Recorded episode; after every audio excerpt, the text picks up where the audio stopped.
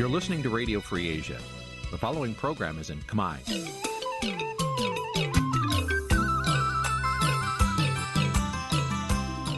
នេះជាកម្មវិធីផ្សាយ Vuthu Azizi Serai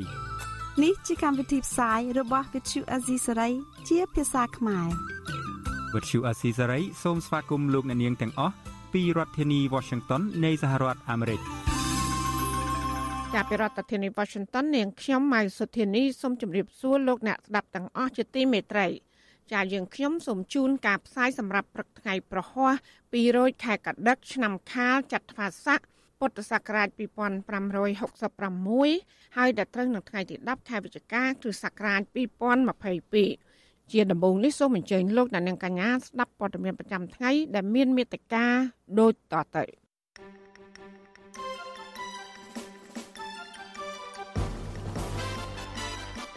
ក្រសួងការបរទេសអាមេរិកអំពាវនាវឲ្យរដ្ឋាភិបាលកម្ពុជា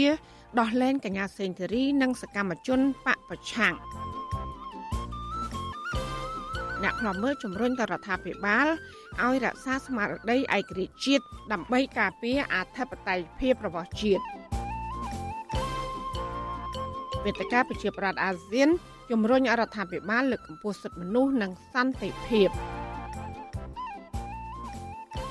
តាគុំថាក្រុមអ្នកមានអំណាចបន្តយកគ្រឿងចាក់ឈូសឆាយប្រៃឡង់នៅខេត្តតឹងត្រែងរួមនឹងព័ត៌មានសំខាន់សំខាន់មួយចំនួនទៀតចាជាបន្តទៅទៀតនេះនាងខ្ញុំម៉ៃសុធានីសូមជូនព័ត៌មានទាំងនោះពឺស្ដាប់លោកនាងជាទីមិត្តរីក្រមយុវជនខ្មែរថាវរៈដែលបន្តធ្វើយុទ្ធនាការអត់អាហារនៅរាជធានីភ្នំពេញបានទាមទាររដ្ឋាភិបាលនិងតុលាការដោះលែងកញ្ញាសេងធីរី រួមទាំងអ្នកទោសនយោបាយនិងសកម្មជនសង្គមទាំងអស់ឲ្យមានត្រីភាពឡើងវិញមន្ត្រីសង្គមស៊ីវិលបារម្ភពីសុខភាពនិងសេរីភាពរបស់យុវជន ដែលធ្វើយុទ្ធនាការបង្អត់អាហារនិងទទូចដល់រដ្ឋាភិបាល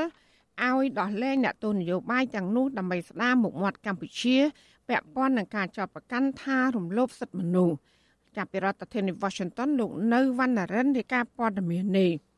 ក្រមយុវជនខ្មែរថាវរៈចំនួន6រូបក្នុងនោះមានស្ត្រី3រូបបានបន្តធ្វើយុទ្ធនាការបង្អត់អាហាររយៈពេលមួយសប្តាហ៍នៅថ្ងៃពុធនេះក្នុងរាជធានីភ្នំពេញដោយដើរជើងទទេក្នុងសម្លៀកបំពាក់អ្នកជាប់ទោសក្បាលជួតដោយក្រណាត់ខ្មៅសរសេរថាដោះលែងសេងធីរីហើយដើរសម្ដៅពីចំណុចរង្វង់មូលកំភ្លើងគួចកណ្ដុងគោលស្ពានជ្រោយចង្វាទៅកាន់ទីលានប្រជាធិបតេយ្យជាទីដែលក្រមយុវជនក្រងនឹងស្នាក់នៅនិងសមាធិ ការធ្វើដំណើររបស់ក្រមយុវជន មានការចាប់អារម្មណ៍ពីពលរដ្ឋនៅតាមដងផ្លូវនិងការឃ្លាំមើលពីក្រមសន្តិសុខខណ្ឌរិស័យកែវរួមទាំងសមត្ថកិច្ចមួយចំនួន ដែលស្លៀកពាក់ស៊ីវិលតាមថតពួកគេរហូតដល់ទីលានប្រជាធិបតេយ្យ យុវជនខ្មែរថៅវរៈលោកស្វាយសំណាងប្រាប់វិទ្យុអាស៊ីសេរីកាលពីថ្ងៃទី9វិច្ឆិកាថាពេលចាប់ផ្ដើមធ្វើដំណើរដោយថ្មើរជើងទទេពីរង្វង់មូលកំភ្លើងគួចកណ្ដុងអាញាធរបានប្រើពាក្យអសុរោះទៅកាន់យុវជនដោយស្ដីបន្ទោសនិងចោទថាជាក្រុមស៊ីឈ្នួលប៉ុន្តែមិនមានការរៀបរៀងអ្វីនោះទេ លោកស្វាយសំណាងថាយុទ្ធនាការនេះដើម្បីទៅអង្គុយសមាធិបង្អត់អាហារនិងបួងសួងឲ្យកញ្ញាសេងធីរីទទួលបានសេចក្តីសុខនិងទាមទារឲ្យមានការដោះលែងកញ្ញារួមទាំងអ្នកទោសមនសិការដទៃទៀតលោកបន្ថែមថាយុវជនក្នុងមួយថ្ងៃធ្វើសមាធិ3ដង គឺរាល់ពេលព្រឹកថ្ងៃ និងពេលល្ងាចហើយពេលយប់ឡើងស្នាក់នៅទីតាំងនោះតែម្ដង។ លោកស្វាយសំឡាងបញ្ជាក់ថាគោលជំហររបស់ក្រមយុវជននឹងធ្វើយុទ្ធនាការបង្អត់អាហារនៅទីលានប្រជាធិបតេយ្យនេះរហូតដល់ថ្ងៃកំណត់រយៈពេលមួយសប្តាហ៍ សកម្មភាពរបស់យើងធ្វើនេះគឺជាការធ្វើកោតកម្មដើម្បីទាមទារយុត្តិធម៌សង្គមជាពិសេសទាមទារឲ្យមានការដោះលែងអ្នកទោសមេនសិកាហើយនឹងកញ្ញាសេងធីរីហើយយើងដឹងហើយថាកិច្ចប្រជុំអាស៊ាននេះគឺបណ្ដាប្រទេសក្នុងតំបន់គឺតែងតែមកនឹងចេញសេចក្តីថ្លែងការណ៍សូមឲ្យមានការដោះលែងកញ្ញាសេងធីរីជារៀងរហូតមកដែរហើយយើងសង្ឃឹមថាសកម្មភាពរបស់យើងធ្វើទាំងអស់នេះនឹងលេចលឺដល់រាជរដ្ឋាភិបាលដែលគេមកប្រជុំអាស៊ាននេះដើម្បីយកមកជជែកស្នើទៅកាន់រដ្ឋាភិបាលឲ្យដោះលែងកញ្ញាសេងធីរីវិទ្យុអាស៊ីសេរីមិនអាចតាក់ទងแนะនាំពាក្យរដ្ឋាភិបាលលោកផៃស៊ីផានដើម្បីសូមអធិប្បាយជុំវិញរឿងនេះបានទេនៅថ្ងៃទី9វិច្ឆិកាដោយទូរស័ព្ទចូលមិនមានអ្នកទទួល ប៉ុន្តែអ្នកនាំពាក្យអគ្គនាយកដ្ឋានពន្ធនាគារលោកនុតសាវណ្ណាប្រាប់វិទ្យុអាស៊ីសេរីកាលពីថ្ងៃទី8វិច្ឆិកាថារដ្ឋាភិបាលគ្មានសិទ្ធិសម្រេចដោះលែងកញ្ញាសេងធីរីក្រៅប្រព័ន្ធតុលាការឡើយ ចំណែកការធ្វើកោតកម្មបង្អត់អាហាររបស់កញ្ញាក៏មន្ត្រីពន្ធនាគារមិនមានសិទ្ធិហាមឃាត់នោះទេប៉ុន្តែមន្ត្រីពន្ធនាគាររបស់លោកបានត្រៀមថ្នាំសង្កូវនិងពេទ្យដើម្បីត្រៀមលក្ខណៈសង្គ្រោះបឋមរួចហើយទោះជាមន្ត្រីពន្ធនាគារអះអាងពីការយកចិត្តទុកដាក់បែបនេះក៏ដោយ តែមេធាវីអន្តរជាតិរបស់កញ្ញាសេងធីរីគឺលោក Charit Genser កាលពីថ្ងៃទី7ខែវិច្ឆិកាបានចេញសេចក្តីថ្លែងការណ៍ពីកោតកម្មបង្អត់អាហាររយៈពេលមួយសប្តាហ៍របស់កញ្ញាសេងធីរីថាកញ្ញាបានទាមទារឲ្យបញ្ជូនកញ្ញាទៅឃុំខ្លួននៅពន្ធនាគារព្រៃសរក្នុងរាជធានីភ្នំពេញវិញនិងស្នើសិទ្ធិដូចគ្នាទៅនឹងអ្នកទោសផ្សេងទៀតរួមទាំងសិទ្ធិទទួលបានការប្រតិបត្តិសាសនាប្រចាំសប្តាហ៍និងប្រើប្រាស់ទូរស័ព្ទចេញពីពន្ធនាគារជាដើម ជុំវិញរឿងនេះនាយកទទួលបន្ទុកកិច្ចការទូតនៃអង្គការសិទ្ធិមនុស្សលីកាដូលោកអំសំអាត មានប្រសាសន៍ថាយុវជនមួយចំនួនក្នុងក្រុមខ្មែរថាវរៈធ្លាប់ទទួលរងនៅអំពើអយុត្តិធម៌ដោយករណីកញ្ញាសេងធីរីទើបជំរុញទឹកចិត្តពួកគាត់ឲ្យធ្វើយុទ្ធនាការនេះឡើងលោកបន្តថាក្រមយុវជនធ្លាប់ធ្វើយុទ្ធនាការជាច្រើន ពាក់ព័ន្ធនឹងសិទ្ធិសេរីភាពការតស៊ូមតិអំពើអយុត្តិធម៌ក្នុងសង្គមនិងធនធានធម្មជាតិផ្សេងៗ លោកអំសំអាតបន្តថាការហាមឃាត់របស់អាជ្ញាធរគឺប៉ះពាល់ដល់សិទ្ធិសេរីភាពរបស់ពលរដ្ឋដែលទាមទារដោយសន្តិវិធីលោកអំសំអាតបារម្ភពីសុខភាពរបស់យុវជន ពាក់ព័ន្ធនឹងការទ្រទ្រង់រាងកាយទោះជាការលះបង់នេះបានចេញពីឆន្ទៈក៏ដោយ។ យុទ្ធនាការដើម្បីទាមទារមានការដោះលែងកញ្ញាសេងទ្រីនេះវាមិនមែនជាបទល្មើសវាមិនមែនជាការប្រព្រឹត្តអ្វីដែលខុសច្បាប់ទេនេះវាជាសិទ្ធិសេរីភាពរបស់ពួកគាត់អញ្ចឹងនៅពេលដែលហាមឃាត់នៅពេលដែលមានការរំខាននឹងការយាយីទៅលើពួកគាត់ហ្នឹងគេចាត់ទុកថាជាការរំលោភបំពានទៅលើសេរីភាពជាមូលដ្ឋាននិងការរដ្ឋបិទទៅលើសេរីភាពជាមូលដ្ឋានរបស់ពលរដ្ឋ ការធ្វើយុទ្ធនាការរបស់ក្រមយុវជននៅក្នុងរាជធានីភ្នំពេញនៅថ្ងៃទី9វិច្ឆិកានេះស្របពេលដែលកម្ពុជាកំពុងធ្វើជាម្ចាស់ផ្ទះកិច្ចប្រជុំអាស៊ាន ដែលមានប្រមុខរដ្ឋកម្ពុជាកម្ពុជាមកពីប្រទេសមួយចំនួន បានធ្វើដំណើរមកកម្ពុជាបណ្ដាបណ្ដាហើយ។ សមត្ថកិច្ចរាជធានីភ្នំពេញបានចាប់ខ្លួនកញ្ញាសេងធីរីបញ្ជូនទៅពន្ធនាគារបន្ទាប់ពីសវនាការកាត់ទោសកម្មជនបកប្រឆាំងនិងអ្នកប្រឆាំងផ្សេងទៀតកាលពីថ្ងៃទី14ខែមិថុនាក្រោយតុលាការប្រកាសសាលក្រមកាត់ទោសឲ្យកញ្ញាជាប់ពន្ធនាគារចំនួន6ឆ្នាំពីបទរួមគំនិតក្បត់ក្នុងសំណុំរឿងវិលចូលស្រុករបស់លោកសំរងស៊ីកាលពីឆ្នាំ2019កញ្ញាត្រូវបានបញ្ជូនទៅដាក់ពន្ធនាគារដាច់ស្រយាលនៅខេត្តព្រះវិហារ ពលរដ្ឋនិងសង្គមស៊ីវិលទទូចឲ្យរដ្ឋាភិបាលពង្រឹងសិទ្ធិមនុស្សឡើងវិញនិងដោះលែងកញ្ញាសេងធីរីរួមទាំងអ្នកទោសមនសិការជាច្រើនទៀតដើម្បីបន្ថយសម្ពាធតានតឹងនឹងការបរទេសនិងស្ដារមុខមាត់កម្ពុជាលើឆាកនយោបាយអន្តរជាតិ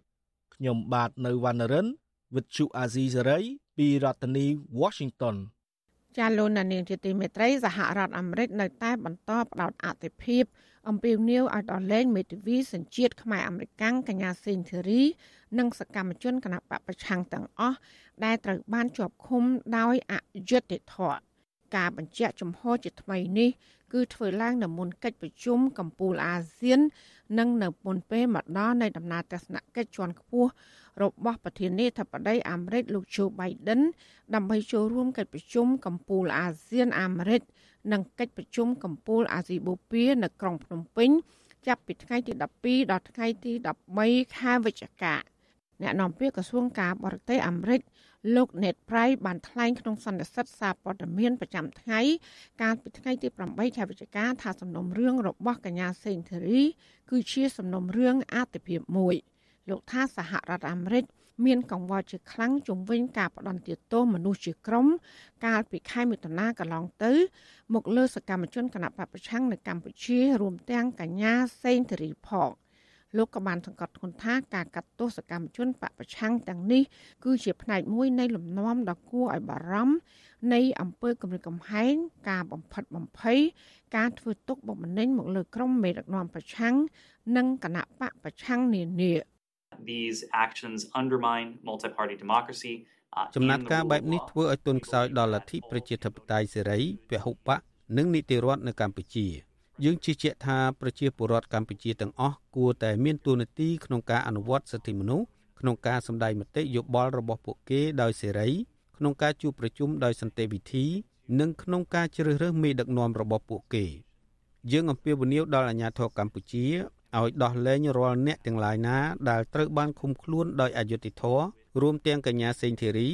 និងឲ្យការពារសេរីភាពនៃការបញ្ចេញនិងសម្ដែងមតិសេរីភាពនៃការបង្កើតសមាគមនិងការប្រមូលផ្ដុំដោយសន្តិវិធី ដែលស្របទៅតាមរដ្ឋធម្មនុញ្ញរបស់កម្ពុជា និងកាតព្វកិច្ចព្រមទាំងការបដិញ្ញាចិត្តជាអន្តរជាតិរបស់ប្រទេសនេះយើងឈរនៅជាមួយប្រជាពលរដ្ឋកម្ពុជា យើងគ្រប់គ្រងដោយឥតងាករេក្នុងការគ្រប់គ្រងក្តីបំណងប្រាថ្នារបស់ពួកគេ ដើម្បីទទួលបានលទ្ធិប្រជាធិបតេយ្យនិងការគោរពសិទ្ធិមនុស្សប្រសើរឡើង aspirations uh, for greater democracy and human rights ការពៀននាសារជាថ្មីរបស់ក្រសួងការបរទេសអាមេរិកគឺកើតមានឡើងត្រពេលកញ្ញាសេងធីរី កំពុងធ្វើកតកម្មបង្អត់អាហារក្នុងពន្ធនាគាររយៈពេលមួយសប្តាហ៍ចាប់ពីថ្ងៃទី7ដល់ថ្ងៃទី13ខែវិច្ឆិកា ដើម្បីទាមទារឲ្យផ្ទេរកញ្ញាចេញពីពន្ធនាគារដាច់ស្រយាលក្នុងខេត្តព្រះវិហារមកក្រុងភ្នំពេញវិញហើយទាមទារឲ្យដោះលែងកញ្ញាមានសេរីភាពឡើងវិញដោយឥតលក្ខខណ្ឌនៅទន្ទឹមនេះមេធាវីសិទ្ធិមនុស្សអន្តរជាតិរបស់កញ្ញាសេងធីរីគឺលោក Jared Genser ក៏បំពេញនាដល់ប្រធានាធិបតីអាមេរិកលោក Joe Biden ឲ្យដាក់សម្ពាធទៅលោកនាយករដ្ឋមន្ត្រីហ៊ុនសែនឲ្យដោះលែងកញ្ញាសេងធីរី និងអ្នកជាប់ឃុំដោយសាររឿងនយោបាយទាំងអស់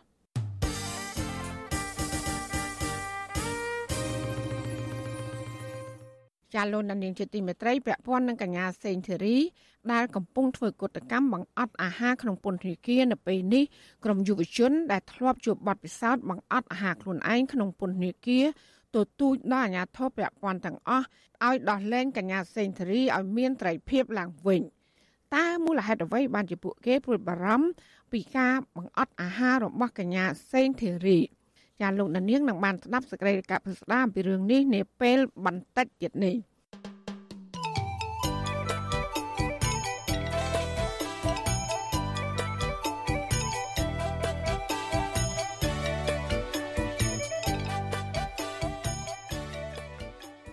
ចាលោកដានីងជាទីមេត្រីអ្នកខ្លាំមើលនយោបាយជំរុញទៅរដ្ឋាភិបាលឲ្យរក្សាឯករាជ្យភាពដើម្បីការពារអធិបតេយ្យភាពនិងប្រយោជន៍ជាតិ សំណើនេះធ្វើឡើងក្នុងឱកាសកម្ពុជាប្រពខួបលើកទី69នៃទិវាបុណ្យឯករាជ្យជាតិចាមន្ត្រីរដ្ឋាភិបាលឆ្លើយតបថាកម្ពុជា នៅរក្សាអព្យាក្រឹតភាពហើយមិនបានបោះបង់ប្រទេសមហាអំណាចណាមួយចោលឡើយចាប់ពីរដ្ឋធានី Washington លោកយ៉ងច័ន្ទដារារាយការណ៍ព័ត៌មាននេះអ្នកខ្លំមើលនយោបាយលើកឡើងថារដ្ឋាភិបាលលោកហ៊ុនសែននៅរយៈពេលចុងក្រោយនេះមិនបានរក្សាខ្លួនឲ្យคล้ายជាប្រទេសឯករាជ្យនោះទេ ដោយកម្ពុជា ហាក់ងាកទៅរកប្រទេសចិនកាន់តែខ្លាំងពួកគេបារម្ភថាបើកម្ពុជាមិនអាចរក្សាខ្លួននៅកណ្ដាលទេនោះកម្ពុជានឹងខាតបង់ប្រយោជន៍នយោបាយនិងសេដ្ឋកិច្ចប្រធានអង្គការសម្ព័ន្ធភាពការពារសិទ្ធិមនុស្សកម្ពុជាហៅកាត់ថាច្រាក់លោករស់សុថាយល់ថារដ្ឋាភិបាលគួរតែពង្រឹងឯករាជ្យបច្ចុប្បន្នថែមទៀតដោយមិនត្រូវត្រៀតត្រោតទៅប្រទេសណាមួយនោះទេពីព្រោះអាចធ្វើឲ្យកម្ពុជារងគ្រោះនៅក្នុងចំនួននយោបាយនៅក្នុងតំបន់លោកលើកឡើងទៀតថា ការរក្សាអព្យាក្រឹតភាពនឹងធ្វើឲ្យកម្ពុជាទទួលបានការរាប់អាន ទាំងប្លុកសេរីនិងប្លុកកុម្មុយនីសមានអីក្រៅអំពីដេញយើងកសាងសេដ្ឋកិច្ចកសាងដេញកងទ័ពយើងឲ្យរឹងមាំមកឲ្យយើងអាចដេញ access បានទៅខាងបើសភាវុធវិញគឺយើងអាច access ទៅបានខាងគុំនេះក៏យើង access ទៅបានខាងចិនក៏ទៅបានខាងអាមេរិកក៏ទៅបានដើម្បីផលប្រយោជន៍កម្ពុជារបស់យើងតែបើសិនជាយើងទៅខាងនេះចិនគឺថាយើងបិទទ្វារមួយជារៀងហើយ ថ្ងៃទី9ខែវិច្ឆិកាឆ្នាំ2022នេះគឺជាខួបលើកទី69ដែលកម្ពុជាទទួលបានឯករាជ្យពីបារាំងកាលពីថ្ងៃទី9ខែវិច្ឆិកាឆ្នាំ1953ដែលដឹកនាំដោយសម្ដេចព្រះនរោត្តមសីហនុក្នុងថ្ងៃប្រារព្ធខួបនេះដែរព្រះមហាក្សត្រសម្ដេចនរោត្តមសីហមុនីបានយាងទៅដាក់កម្រងផ្កានៅវិមានឯករាជ្យដោយមានការអមព្រះរាជដំណើរ ពីសំណាក់ប្រធានព្រឹទ្ធសភាលោកសាយឈុំប្រធានរដ្ឋសភាលោកហេងសំរិនលោកនាយករដ្ឋមន្ត្រីហ៊ុនសែននិងមន្ត្រីរាជការជាច្រើនពាន់នាក់លោកហ៊ុនសែនបានលើកឡើងតាមទំព័រ Facebook របស់លោកថាទិវាបុណ្យឯករាជ្យជាតិនេះរំលឹកឲ្យឃើញពីព្រះរាជបេសកកម្មដើម្បីជាតិមាតុភូមិនិងប្រជាពលរដ្ឋរបស់សម្ដេចព្រះនរោត្តមសីហនុលោកបន្តទៀតថាសម្ដេចព្រះនរោត្តមសីហនុបានលះបង់ប្រកាយពលនិងបញ្ញាញាណធ្វើការតស៊ូដើម្បីទាមទារឯករាជ្យជូនកម្ពុជាវិញ ចំណែកស្ថានទូតសហរដ្ឋអាមេរិកប្រចាំកម្ពុជាក៏បានបង្ហោះសារអបអរសាទរដល់ប្រជាពលរដ្ឋខ្មែរនៅក្នុងឱកាសនៃការប្រារព្ធពិធីនេះដែររីឯអ្នកវិភាគនយោបាយចាស់វសាបណ្ឌិតឡាវម៉ុងហៃវិញលោកក៏បានលើកឡើងតាមបណ្ដាញសង្គម Facebook ដែរថាថ្ងៃទី9វិច្ឆិកាមានលក្ខណៈនិងកត្តាអំណោយផលច្រើន ដែលជួយដល់ការអភិវឌ្ឍឲ្យបានទៅជាប្រទេសមានសន្តិភាពឯករាជ្យប្រជាធិបតេយ្យនិងជឿនលឿនចម្រុងចម្រើន លោករំលឹកថា ក្រោយកម្ពុជាទទួលបានឯករាជ្យពីបារាំងកម្ពុជាសល់លុយរហូតមានប្រទេសជិតខាងជំពាក់បំណុលកម្ពុជាទៀតផងតាក់ទងរឿងនេះដែរប្រធានក្រុមប្រឹក្សាខ្លមមើលកម្ពុជាប្រចាំនៅប្រទេសន័រវេ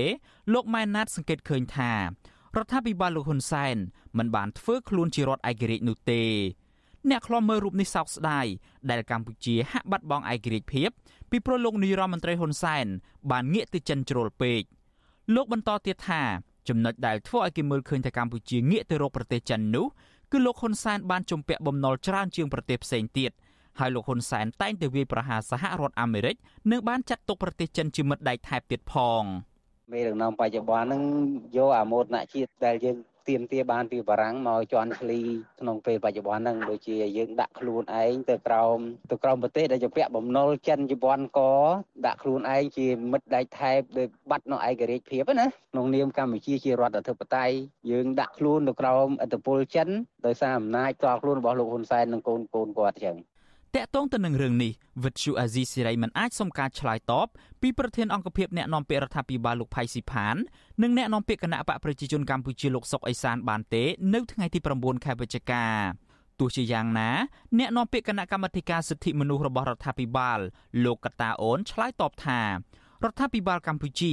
មានមុខមាត់និងទំនាក់ទំនងការទូតល្អដោយសពថ្ងៃនេះពីព្រោះរដ្ឋាភិបាលបានរក្សាអធិបតេយ្យភាពជាតិនិងរក្សាអព្យាក្រឹតភាពបានល្អ លោកអះអាងទៀតថាទំនាក់ទំនងរវាងកម្ពុជានិងចិនគឺជាការធ្វើនយោបាយឆ្លាតវៃ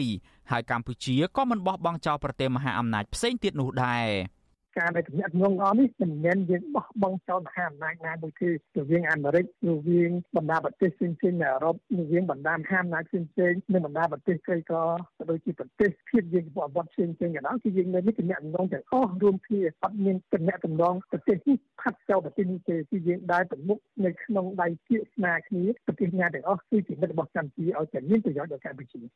ទោះជាមានការអះអាងបែបនេះពីមន្ត្រីរដ្ឋាភិបាលក្តីក៏កន្លងទៅលោកនាយរដ្ឋមន្ត្រីហ៊ុនសែនបានថ្លែងជាសាធារណៈជាញឹកញាប់ថាលោកងាកទៅរកប្រទេសចិនកុម្មុយនីសនេះពីព្រោះចិនងាយស្រួលធ្វើការជាមួយលោកនិងងាយស្រួលឲ្យលោកខ្ចីលុយ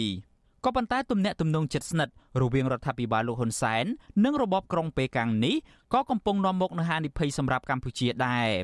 សារព័ត៌មានបរទេសបានចុះផ្សាយជាបន្តបន្ទាប់ថារដ្ឋាភិបាលលោកហ៊ុនសែនបានចុះកិច្ចព្រមព្រៀងសម្ងាត់ជាមួយប្រទេសចិនដើម្បីឲ្យចិនប្រើប្រាស់កំពង់ផែកងទ័ពជើងទឹករៀមដែលនេះគឺជាក្តីបារម្ភសម្រាប់សន្តិសុខតំបន់ទាំងមូលខ្ញុំយ៉ងច័ន្ទដារាវិទ្យុអាស៊ីសេរីរាយការណ៍ពីរដ្ឋធានី Washington ចាលោកនាងជាទីមេត្រីលោកនាយករដ្ឋមន្ត្រីហ៊ុនសែនបានជួបពិភាក្សាការងារទ្វេភាគីជាមួយនាយករដ្ឋមន្ត្រីចិនកាលពីល្ងាចថ្ងៃទី9ខែវិច្ឆិកានៅវិមានសន្តិភាពមុនកិច្ចប្រជុំកម្ពុជាអាស៊ាននិងកិច្ចប្រជុំពាក់ព័ន្ធអ្នកជំនាញផ្នែកភូមិសាស្ត្រនយោបាយយល់ថាជំនួបទ្វេភាគីនេះចិនទំនងជាព្យាយាមបញ្ចុះបញ្ចូលមេដឹកនាំកម្ពុជា ក្នុងរឿងសមុទ្រចិនខាងត្បូងចា៎នេះគឺជាសកម្មភាពរបស់លោកទីនសាការីយ៉ាជំវិញរឿងនេះ ដូចតទៅជំនួបបិទទ្វាររវាងលោកនាយរដ្ឋមន្ត្រីហ៊ុនសែននិងនាយរដ្ឋមន្ត្រីចិនលោកលីខឺឈៀងនៅវិមានសន្តិភាពគឺជជែកគ្នាផ្ដោតលើប្រធានបទមួយចំនួនពាក់ព័ន្ធនឹងការពង្រឹងកិច្ចសហប្រតិបត្តិការភាពជាដៃគូយុទ្ធសាស្ត្រគ្រប់ជ្រុងជ្រោយរវាងប្រទេសទាំងពីរនិងបញ្ហាតំបន់និងអន្តរជាតិមួយចំនួនដែលជាកង្វល់រួមជំនួយការផ្ទាល់របស់លោកហ៊ុនសែនគឺលោកអៀងសុផល្លាយថ្លែងប្រាប់អ្នកកសែតក្រោយជំនួបនោះថា នាយករដ្ឋមន្ត្រីចិនពេញចិត្តចំពោះអំពីទំនាក់ទំនងគ្រប់វិស័យរវាងកម្ពុជានិងចិន លោកថាភាគីចិនក៏បន្តបដិញ្ញាជួយកម្ពុជាឲ្យកាន់តែរីកចម្រើន តាមរយៈការផ្តល់ជំនួយផ្សេងផ្សេងចិននឹងផ្ដល់ជំនួយបន្ថែមដល់កម្ពុជាទៅលើវិស័យជារួមមាន ទី1ទឹកប្រាក់ចំនួន200លានយួនសម្រាប់ជួយកែលម្អជីវភាពប្រជាពលរដ្ឋកម្ពុជា ជួយដល់ការស្ដារឡើងវិញ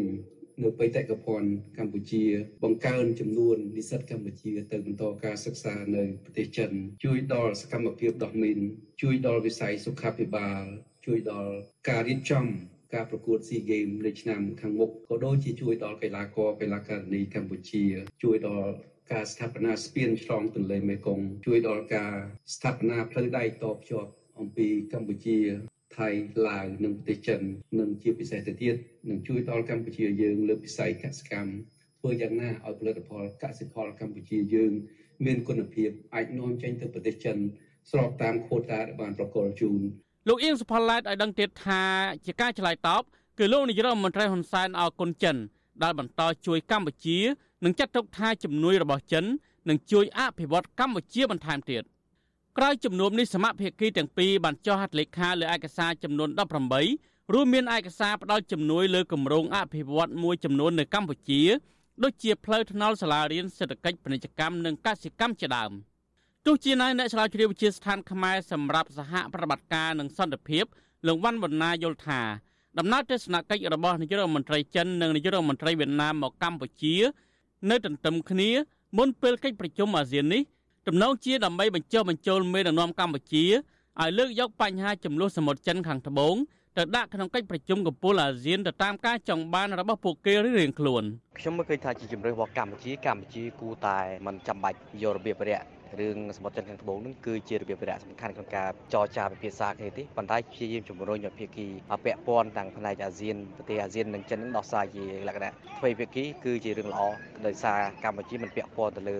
លើបញ្ហាសមុទ្រចិនខាងត្បូងទេបាទអានឹងគឺជាជំរឿនដែលកម្ពុជាគួរធ្វើសម្រាប់ដោះស្រាយនៅបញ្ហារឿងសមុទ្រចិនខាងត្បូងដើម្បីកុំឲ្យពាក់ព័ន្ធទៅដល់ខ្លួនផងដែរអានឹងគឺជាជំរឿនឆ្លាតវៃមួយក្នុងកម្ពុជាជាប្រទេសដែលត្រូវការផលប្រយោជន៍ទាំងចិននិងទាំងផលប្រយោជន៍ពីអាស៊ានផងនៅមុននេះមួយថ្ងៃលោកនាយរដ្ឋមន្ត្រីហ៊ុនសែនក៏ជួបពិភាក្សាទ្វេភាគីជាមួយនាយរដ្ឋមន្ត្រីវៀតណាមលោកផាមិញជិញដែរដោយផ្ដោតលើការពង្រឹងទំនាក់ទំនងនយោបាយសេដ្ឋកិច្ច ភាគីទាំងពីរក៏បានចុះកិច្ចព្រមព្រៀងលើឯកសារចំនួន11ចំណុចរួមមាន វិស័យកសិកម្មវិស័យពាណិជ្ជកម្មទូរគមនាគមន៍ការងារនិងវិស័យហិរញ្ញវត្ថុជាដើមទោះបីជានៅពេលនេះទាំងរដ្ឋាភិបាលកម្ពុជាចិននិងវៀតណាមមិនបានលើកឡើងជាសាធារណៈអំពីចំនួនសមុទ្រចិនខាងត្បូងក្តីក៏ប៉ុន្តែរដ្ឋាភិបាលចិននិងវៀតណាមធ្លាប់បានប្រើអធិបតេយ្យរបស់ខ្លួនមកលើកម្ពុជាម្ដងរួចមកហើយ នៅពេលកម្ពុជាធ្វើជាម្ចាស់ផ្ទះនៅកិច្ចប្រជុំកំពូលអាស៊ានកាលពីឆ្នាំ2012នៅពេលនោះវៀតណាមបានស្នើឲ្យកម្ពុជាដាក់ចំនួនសមុទ្រចិនខាងត្បូងនៅក្នុងរបៀបវរៈនៃកិច្ចប្រជុំកំពូលអាស៊ានចំណែកឯប្រទេសចិនវិញមិនចង់ឲ្យយកចំនួនប្រជុំកោះប៉ារ៉ាសែលនៅសមុទ្រចិនខាងត្បូងទៅជជែកគ្នាក្នុងវេទិកាតំបន់បែបនេះទេនៅទីបំផុតទៅចិនបានរាំងគប់កម្ពុជាក្នុងនាមជាប្រធានបដូវវេនអាស៊ានមិនឲ្យចេញសេចក្តីថ្លែងការណ៍រួមរបស់រដ្ឋមន្ត្រីការបរទេសអាស៊ានឡើយ ព្រោះប៉ះពាល់ដល់ផលប្រយោជន៍របស់ចិននៅក្នុងបញ្ហាចំនួនសមុទ្រចិនខាងត្បូងនោះដោយឡែកនៅមុនជំនួបជាមួយនាយករដ្ឋមន្ត្រីចិននេះលោកនាយករដ្ឋមន្ត្រីហ៊ុនសែនក៏បានជួបពិភាក្សាជាមួយរដ្ឋមន្ត្រីការបរទេសអ៊ុយក្រែនលោកឌីមីត្រូគូលីបា នៅវិមានសន្តិភាពដែរជំនួបនោះប្រមុខការទូតអ៊ុយក្រែនអគុណកម្ពុជាដែលបានគាំទ្រអ៊ុយក្រែននិងថ្កោលទោសរុស្ស៊ីដែលបានឈ្លានពានអ៊ុយក្រែនជំនួយការផ្ទាល់របស់លោកហ៊ុនសែនគឺលោកអៀងសផល្លាតឲ្យដឹងដែរថាជាការឆ្លើយតបរបស់លោកហ៊ុនសែន គឺកម្ពុជាប្រឆាំងការឈ្លានពានការគម្រិតកំហែងឬការប្រើប្រាស់ហិង្សាលើអធិបតេយ្យភាពបូរណភាពទឹកដីនៃរដ្ឋឯករាជ្យស្របតាមធម្មនុញ្ញរបស់អង្គការសហប្រជាជាតិនិងច្បាប់អន្តរជាតិលោកបន្តថាកម្ពុជាមិនគាំទ្រដល់ការបំបែករដ្ឋឬការទន្ទ្រានយកទឹកដីពីប្រទេសដទៃឡើយក្រៅពីជំនួបទ្វេភាគីនេះវត្តមានរបស់រដ្ឋមន្ត្រីការបរទេសអ៊ុយក្រែននៅកម្ពុជានៅពេលនេះគឺដើម្បីចូលរួមចុះហត្ថលេខាលើលិខិតតបក នៃការចូលជាភាគីនៃសន្ធិសញ្ញាមិត្តភាព និងកិច្ចសហប្រតិបត្តិការនៅតំបន់អាស៊ីអាគ្នេយ៍ឬហៅថាតាខ្ញុំធីនសាការីយ៉ាអសិរ័យប្រធានីវ៉ាស៊ីនតោនចាលោកនាងកញ្ញាកំពុងស្ដាប់ការផ្សាយរបស់វិទ្យុអសីស្រីផ្សាយចេញពីរដ្ឋធានី Washington មុនកិច្ចប្រជុំអាស៊ានចាប់ផ្ដើមនៅថ្ងៃទី10ខែវិច្ឆិកានេះមេដឹកនាំចិននិងវៀតណាមបានជួបពិភាក្សាការងារជាមួយលោកនាយករដ្ឋមន្ត្រីហ៊ុនសែន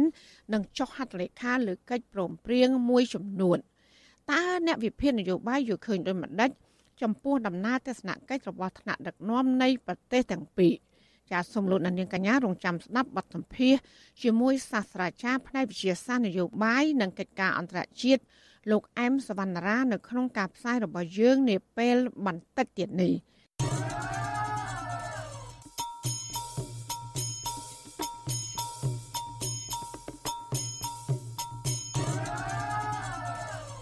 លោកអ្នកស្ដាប់ជទីមេត្រីវេទិកាប្រជាប្រដ្ឋអាស៊ានស្នើដល់រដ្ឋាភិបាលនៃប្រទេសជាសមាជិកអាស៊ាន ឲ្យពិចារណាដើម្បីរៀបចំគោលនយោបាយនិងការគ្រប់សិទ្ធិមនុស្សព្រមទាំងរក្សាសន្តិភាពនៅក្នុងតំបន់មន្ត្រីអង្គការសង្គមស៊ីវិលយល់ឃើញថាកិច្ចប្រជុំកម្ពុជាអាស៊ាន គួរតែមានរបៀបវារៈផ្ដល់ឱកាសដល់តំណាងក្រមប្រជាពលរដ្ឋនិងក្រុមអង្គការសង្គមស៊ីវិលបង្ហាញពីបញ្ហា និងដំណោះស្រាយដែលពួកគេកំពុងប្រឈមនៅក្នុងតំបន់សូមលោកអ្នកនាងស្ដាប់សេចក្តីរាយការណ៍របស់លោកមានរិទ្ធជំវិញព័ត៌មាននេះ អនុសាសន៍សំខាន់សំខាន់មួយចំនួន ដែលវេទិកាប្រជាពលរដ្ឋអាស៊ានដាក់ចេញ មានដូចជា ស្នើឲ្យបញ្ឈប់ការប្រើប្រាស់ប្រព័ន្ធតុលាការការបាត់ខ្លួនដែលបង្ខំនិងការសម្លាប់សកម្មជន ដោយសារតែពួកគេគ្រាន់តែប្រើប្រាស់នៅសិទ្ធិដើម្បីលើកកម្ពស់លទ្ធិប្រជាធិបតេយ្យកាត់បន្ថយបញ្ហាវិសមភាពសង្គមបំរែបំរួលអាកាសធាតុនិងលើកកម្ពស់សវត្ថិភាពស្បៀងនៅក្នុងតំបន់លើកកម្ពស់កិច្ចគាំពៀសង្គមដល់ជនងាយរងគ្រោះ សិទ្ធិទទួលបានការងារដែលមានចំណូលសមរម្យនិងលើកកម្ពស់សវត្ថិភាពមនុស្សជាតិនិងសន្តិភាពនៅក្នុងតំបន់ជាដើមប្រធានអង្គការសិលកាកញ្ញាសេរីសីដែលជាប្រធានគណៈកម្មការរៀបចំវេទិកាប្រជាពលរដ្ឋអាស៊ាន2022មានប្រសាសន៍ថាសេចក្តីថ្លែងការណ៍របស់ក្រុមអង្គការសង្គមស៊ីវិលបានស្នើសុំដល់រដ្ឋាភិបាលនានានៅក្នុងតំបន់អាស៊ីអាគ្នេយ៍ ឲ្យរៀបចំនូវគោលនយោបាយនិងចាត់វិធានការជាបន្ទាន់ដើម្បីលើកកម្ពស់ដល់ការគោរពសិទ្ធិមនុស្សនិងសន្តិភាពនៅក្នុងតំបន់កញ្ញាបន្ថែមថាក្រុមអង្គការសង្គមស៊ីវិលនៅតាមបណ្ដាប្រទេសនីមួយៗបានដាក់ជូនសេចក្តីថ្លែងការណ៍វេទិកាប្រជាពលរដ្ឋអាស៊ាននេះដល់ប្រទេសពួកគេតាមយន្តការរៀងៗខ្លួនដោយឡែកក្រុមអង្គការសង្គមស៊ីវិលក៏បានដាក់ជូនសេចក្តីថ្លែងការណ៍នេះទៅកាន់ស្ថានទូតសហរដ្ឋអាមេរិកនិងស្ថានទូតអូស្ត្រាលី តាមសារអេឡិចត្រូនិកឬអ៊ីមែលរួចរាល់ហើយហើយក្រុមអង្គការសង្គមស៊ីវិលក៏កំពុងត្រៀមផ្ញើជូនប្រទេសនានាដែលមានស្ថានទូតនៅកម្ពុជាដែរកញ្ញាសេរីស័យស្នើសុំដល់កិច្ចប្រជុំអាស៊ានត្រូវផ្ដល់ឱកាសដល់អង្គការសង្គមស៊ីវិលនិងប្រជាពលរដ្ឋដើម្បីឲ្យពួកគេមានឱកាសថ្លែងការណ៍និងបង្ហាញពីសេចក្តីត្រូវការនានារបស់ពួកគេ នៅចំពោះមុខប្រមុខថ្នាក់ដឹកនាំអាស៊ានទាំងអស់ដើម្បីឲ្យស្របទៅនឹងពាក្យស្លោកនៃកិច្ចប្រជុំកំពូលអាស៊ាន ថាដោះស្រាយបញ្ហារួមគ្នានិងកិត្តគូពីផលប្រយោជន៍របស់ប្រជាពលរដ្ឋជាចម្បង។ យើងជាចង់ឃើញមានអត្ថន័យរវាងអាស៊ានទៅដូចជាសមាជិកប្រជារដ្ឋភាគីហ្នឹងជាមួយនឹងអង្គការសង្គមស៊ីវិលជាពិសេសដែលរៀបចំវេទិកាពីប្រអាស៊ានហ្នឹងមានការជជែកគ្នាទល់មុខតតែម្ដងដើម្បីឲ្យមានឱកាសក្នុងការលើកឡើងអំពីបញ្ហានឹងយកគ្នាទៅវិញទៅមកបើមិនបើយើងឲ្យមានឱកាសក្នុងការគិតចាំទៅជាមួយគ្នាទេគឺជាការខាត់ប្រយោជន៍ធំសម្រាប់កិច្ចប្រជុំនានារបស់អាស៊ានមិនថាក្នុងក្របខ័ណ្ឌណាមួយក៏ដោយ កញ្ញាសេរីស័យបញ្ជាក់ថាសាធារណជន និងរដ្ឋាភិបាល នៅតែអាចប្រើប្រាស់សេចក្តីថ្លែងការណ៍នេះដោះស្រាយបញ្ហានៅក្នុងតំបន់គ្រប់ពេលបើទោះបីជាកិច្ចប្រជុំអាស៊ាននឹងបញ្ចប់ហើយក៏ដោយក្តីព្រោះសេចក្តីថ្លែងការណ៍នេះត្រូវបានធ្វើឡើងដោយទទួលយកធាតុចូលពីប្រជាពលរដ្ឋនៅតាមសហគមន៍មកពីប្រទេសផ្សេងៗនៅក្នុងតំបន់អាស៊ាន វេទិកាប្រជាពលរដ្ឋអាស៊ាន បានប្រព្រឹត្តទៅរយៈពេល3ថ្ងៃចាប់ពីថ្ងៃទី3ដល់ថ្ងៃទី5ខែវិច្ឆិកានៅក្រុងភ្នំពេញដែលមានអ្នកចូលរួមប្រមាណជាង400នាក់មកពីតាមបណ្ដាប្រទេសអាស៊ានទាំង9និងប្រទេសទីម៉ូខាងកើតរីឯតំណាងប្រជាពលរដ្ឋនិងអង្គការសង្គមស៊ីវិលមកពីប្រទេសភូមាឬមីយ៉ាន់ម៉ាវិញពួកគេបានចូលរួមតាមអនឡាញ វេទិកាប្រជាពលរដ្ឋអាស៊ាននិងកិច្ចពិភាក្សាក្រុមអង្គការសង្គមស៊ីវិលអាស៊ានឆ្នាំនេះធ្វើឡើងដោយផ្ដោតលើប្រធានបទគាំពៀនិងលើកកម្ពស់សិទ្ធិពលរដ្ឋលទ្ធិប្រជាធិបតេយ្យនិងសិទ្ធិមនុស្សនៅក្នុងតំបន់អាស៊ីអាគ្នេយ៍ដើម្បីសមត្ថភាពនិងយុត្តិធម៌សង្គមជុំវិញរឿងនេះមន្ត្រីផ្នែកតស៊ូមតិនៃគម្រោងការពីប្រៃឈើនៃសមាគមបណ្ដាញយុវជនកម្ពុជាហៅកាត់ថា CYN លោកសាន់ម៉ាឡាដែលបានចូលរួមនៅក្នុងវេទិកាប្រជាពលរដ្ឋអាស៊ានប្រាវិសុយស៊ីស្រីថាសេចក្តីថ្លែងការណ៍ដែលបានមកពីវេទិកាប្រជាពលរដ្ឋអាស៊ាននេះមានសារៈសំខាន់សម្រាប់ថ្នាក់ដឹកនាំនៅក្នុងតំបន់អាស៊ានឲ្យគិតគូរពិចារណាដើម្បីអភិវឌ្ឍប្រទេសកុំឲ្យរំលោភសិទ្ធិមនុស្សនិងបំផ្លាញបរិស្ថានលោកបានថែមថាសេចក្តីថ្លែងការណ៍នេះក៏បានដាក់បញ្ចូលនឹងការលើកឡើងពីក្តីកង្វល់នានារបស់ជនរងគ្រោះ ដែលទទួលបានការគំរាមកំហែងនៅក្នុងការចូលរួមដោះស្រាយបញ្ហាបរិស្ថាន និងការអនុវត្តសិទ្ធិផ្ទាល់ខ្លួន ដើម្បីលើកកម្ពស់លទ្ធិប្រជាធិបតេយ្យសូមអំពាវនាវដល់រដ្ឋាភិបាលជាសមាជិកក៏ដូចជារដ្ឋាភិបាលដែលទទួលបន្ទុកជាប្រធានអាស៊ានឆ្នាំនេះនិងឆ្នាំក្រោយឲ្យយកចិត្តទុកដាក់អំពីសុខទុក្ខរបស់ប្រជាជនក្នុងតំបន់របស់ខ្លួន ជាពិសេសរដ្ឋាភិបាលក៏គួរតែមានការកោតសរសើរនិងចូលរួមផ្ដល់ដំណោះស្រាយទាំងឡាយដែលវេទិកាប្រជាបរតអាស៊ានបានស្នើនិងสนំពោឡើង ឆ្លើយតបទៅនឹងការលើកឡើងនេះអ្នកនាំពាក្យគណៈកម្មាធិការសិទ្ធិមនុស្សរបស់រដ្ឋាភិបាលលោកកតាអូនអះអាងថាសេចក្តីថ្លែងការណ៍វេទិកាប្រជាពលរដ្ឋអាស៊ាននេះគ្រាន់តែជាតំណាងសម្លេងមួយភាគតូចនៃប្រជាពលរដ្ឋតែប៉ុណ្ណោះព្រោះលោកថាក្រុមអង្គការសង្គមស៊ីវិលបានហៅតែតំណាងប្រជាពលរដ្ឋដែលមានបញ្ហាឲ្យមកចូលរួមវេទិកានេះ លោកបានថែមថាការអនុវត្តច្បាប់ទៅលើសកម្មជនបរិស្ថាននិងអ្នកនយោបាយមួយចំនួននៅពេលកន្លងមកគឺជាការលើកកម្ពស់នីតិរដ្ឋនិងប្រជាធិបតេយ្យទៅវិញទេអ្វីដែលអង្គការសង្គមស៊ីវិលមួយចំនួនឬក៏វេទិកាប្រជាពលរដ្ឋរកឃើញមួយចំនួនគឺវា បង្ហាញពីនៅបំណងឬមួយគំនិតនៃក្រុមមនុស្សមួយចំនួនតូចតែប៉ុណ្ណោះវាមិនមែនតំណាងឲ្យទស្សនវិជ្ជារួមនៃកម្ពុជាទេហើយក្រុមមនុស្សមួយចំនួនតូចនេះគ្រាន់តែជានិន្នាការនយោបាយមួយតែដូច្នេះអ្វីនៅក្នុងក្របខ័ណ្ឌនីតិរដ្ឋក្តីនៅក្នុងក្របខ័ណ្ឌប្រជាធិបតេយ្យក្តីនៅក្នុងក្របខ័ណ្ឌសិទ្ធិមនុស្សក្តីគឺយើងត្រូវអនុវត្តគោលការណ៍រួមនៅក្នុងបទដ្ឋាននីតិដ្ឋានច្បាប់ក្នុងការវាស់វែងនៅសិទ្ធិវងការវាស់វែងនៃនីតិរដ្ឋ ផ្ទុយពីការអាងនេះរបាយការណ៍របស់គម្រោងយុទ្ធធម៌ពិភពលោកឬហៅកាត់ថា WJP បានរកឃើញថាកម្ពុជាគឺជាប្រទេសពូកែខាងរំលោភច្បាប់ប្រទេសកម្ពុជាជាប់ចំណាត់ថ្នាក់ផ្នែកនីតិរដ្ឋឬគោរពច្បាប់ស្ទើរតែនៅបាត់តារាង គឺនៅលេខ139ក្នុងចំណោម140ប្រទេសនៅក្នុងឆ្នាំ2022នេះរបាយការណ៍នេះបានបង្ហាញកត្តាចម្បងចម្បងចំនួន8សម្រាប់ដំណើរការដាក់សន្ទុះនីតិរដ្ឋ ក្នុងនោះរួមមានដូចជាដែនកំណត់អំណាចរបស់រដ្ឋាភិបាលការលុបបំបាត់អំពើពុករលួយរដ្ឋាភិបាលបើកទូលាយសិទ្ធិជាមូលដ្ឋានសន្តិភាពធ្នាប់និងសន្តិសុខសង្គមការពង្រឹងការអនុវត្តច្បាប់យុត្តិធម៌ផ្នែករដ្ឋបវេនីនិងយុត្តិធម៌ផ្នែកព្រហ្មទណ្ឌដែលកម្ពុជាសិតតែទទួលបានពិន្ទុទាបទាំងអស់ខ្ញុំបាទមេរិត Visual C ស្រីរាយការណ៍ពីរដ្ឋធានី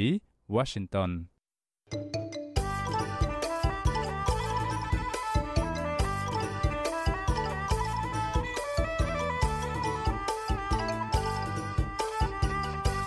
ចាលោកនានីជាទីមេត្រីតកតងនឹងកម្ពុជាធ្វើជាប្រធានកិច្ចប្រជុំកំពូលអាស៊ាន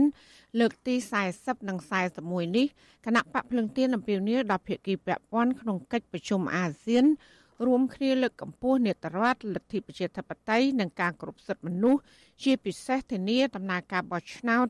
និងអព្យាក្រឹតភាពរបស់កម្ពុជា។ គណៈបកភ្លើងទៀនបន្តអំពាវនាវឲ្យភាគីពាក់ព័ន្ធធានាដំណើរការបោះឆ្នោត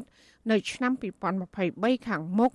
ឲ្យប្រព្រឹត្តទៅដោយសេរីត្រឹមត្រូវនិងយុត្តិធម៌ហើយកម្ពុជាត្រូវរក្សាអព្យាក្រឹតភាពរបស់ខ្លួន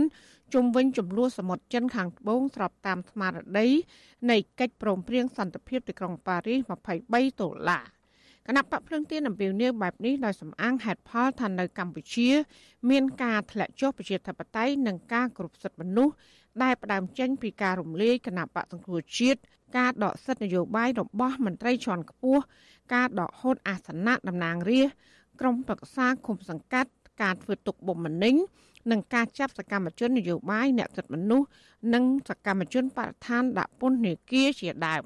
ចំណែកឯសន្តិសុខក្នុងតំបន់វិញ គណៈបកភ្លើងទៀនមើលឃើញថាកម្ពុជា បានពឹងផ្អែកស្ទើរតែទាំងស្រុងទៅលើចិន និងមានទំនាក់ទំនងស្អិតល្មួតដែលនាំឲ្យមានការបារម្ភពីអសន្តិសុខនៅក្នុងតំបន់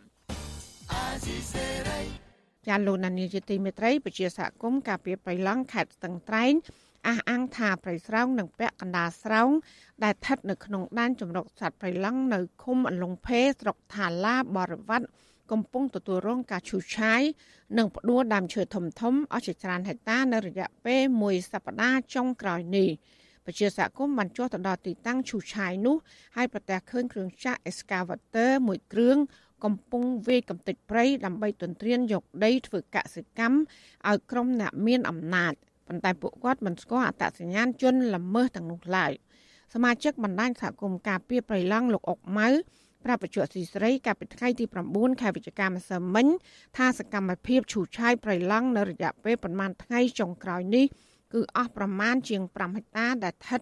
នៅក្នុងដែនជំរកសត្វប្រៃឡង់គ្រប់គ្រងដោយក្រសួងបរិស្ថាន ខ្ញុំតាមខ្ញុំគិតឃើញនឹង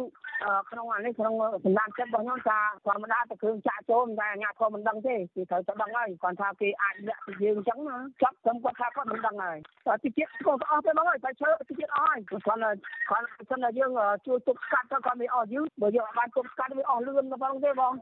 វិទ្យុអសីស្រីនៅមិនទាន់អាចតតងប្រធានមន្ត្រីបរិស្ថានខេត្តតឹងត្រែងលោកស្រីជាហេងបាននៅឡើយទេកាលពីថ្ងៃទី9ខែវិច្ឆិកាដោយសារទូរស័ព្ទលោកមិនអាចតាក់ទងនោះបាន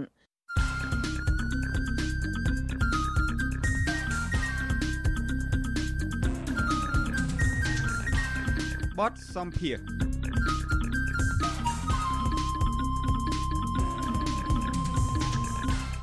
ចាលោកនាយកជាទីមេត្រីអ្នកវិភាគលើកឡើងថាមេដឹកនាំចិននិងវៀតណាមកំពុងតែប្រទាញបតុងគ្នាក្នុងការទាញយកផលប្រយោជន៍ពីកម្ពុជា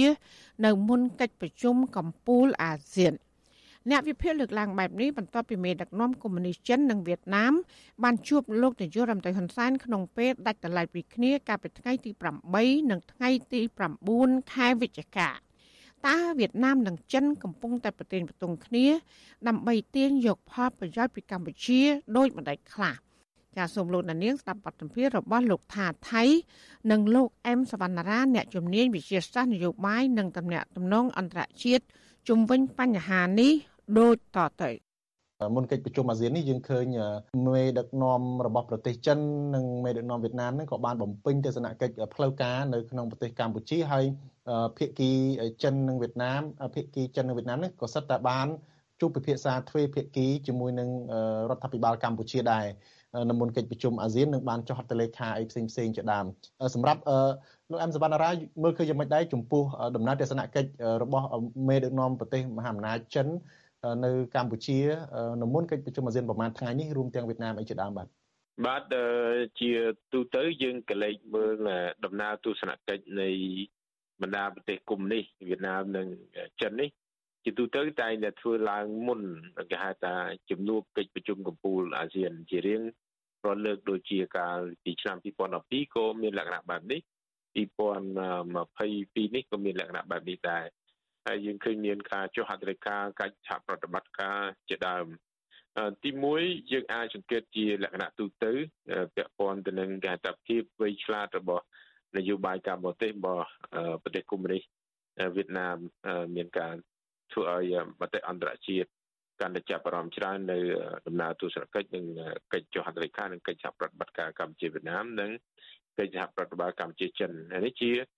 យើងមើលឃើញថាភាព លឿនរហ័សទន់ភ្លន់ដែរឬក៏ជាអំណោយផលពីកម្ពុជាសម្រាប់បណ្ដាប្រទេសកុម្មុយនីសពីរដែរបាទនឹងចំណុចទី1ចំណុចទី2យើងមានឃើញឱកាសចុះកិច្ចព្រមព្រៀងជាមួយកម្ពុជាវៀតណាមនឹងមានរហូតដល់11ចំណុចដើម្បីពង្រឹងកិច្ចសហប្រតិបត្តិការផ្នែកសេដ្ឋកិច្ចពាណិជ្ជកម្មកសិកម្មឬក៏បច្ចេកវិទ្យាខាង Digital ប្រេសនីជាដើមដែលនេះក៏ជាភាព រីកចម្រើនក៏ណាផលទទួលបានតិចឬច្រើនតាមភាពវៃឆ្លាតឬភាពខ្លាំងក្លាភាពខ្លាំងរបស់រដ្ឋមួយមួយភាគីហើយចំណែកកម្ពុជាចិនក៏មានលក្ខណៈដូចគ្នាយើងឃើញថ្ងៃនេះមានដំណើរទស្សនកិច្ចរបស់លោកនាយករដ្ឋមន្ត្រីលីខឺឆាងតាំងពីម្សិលមិញហើយមានការចុះហត្ថលេខានៅថ្ងៃនេះរហូតដូចជា18ចំណុចណាយើងឃើញជាកិច្ចការមួយបានន័យថាមានលក្ខណៈអឺជឿនលឿនការឡើងច្រើនដែល អត្ថប្រយោជន៍នៃការផ្លាស់ប្ដូរពាណិជ្ជកម្មរវាងភាគីទាំងពីរមានការកាន់តែបង្កើនសកម្មភាពខ្លាំងខ្លាំងដូច្នេះយើងសាទរក៏ប៉ុន្តែដូចខ្ញុំបានបញ្ជាក់អញ្ចឹងជាមួយភាគីវៀតណាមឬក៏ភាគីភាគីចិនមានលក្ខណៈដូចគ្នាទេអាស្រ័យតែកត្តារឹងមាំឬក៏កត្តាខ្លាំងខ្លាំងរបស់រដ្ឋខ្លួនឯងរដ្ឋសម័យកម្ពុជាតែមានលក្ខណៈ អាចខ្លាំងប្រកួតប្រជែងទាញយកអត្ថប្រយោជន៍នៃកិច្ចព្រមព្រៀងនោះបានកម្រិតណាអាស្រ័យលើសមត្ថភាពរបស់កម្ពុជាយើងខ្លួនឯងបាទបាទតើដំណើរទស្សនកិច្ចរបស់មេដឹកនាំវៀតណាមមេដឹកនាំចិនមកកម្ពុជានៅពេលមុនកិច្ចប្រជុំអាស៊ាននេះដើម្បីទៅចុះហត្ថលេខាប្រមាណចំណុចនឹងការពង្រឹងទំនាក់ទំនងជជែកពីបញ្ហាទ្វេភាគីអីតែប៉ុណ្្នឹងទេឬក៏លោកមើលឃើញថាភាគីទាំងពីរនេះអាចធ្វើចង់ធ្វើជាគ្រូបរិញ្ញារបស់កម្ពុជា អាចចង់បានអីពីកម្ពុជានៅក្នុងកិច្ចប្រជុំអាស៊ាននេះចង់ពួកគេចង់បានចំណេញអីពីពីកម្ពុជាដែរទេបាទអឺជាជាទូទៅនៅនៅក្នុងកិច្ចប្រជុំឬក៏គេហៅថាការចុះហត្ថលេខាទៅលើ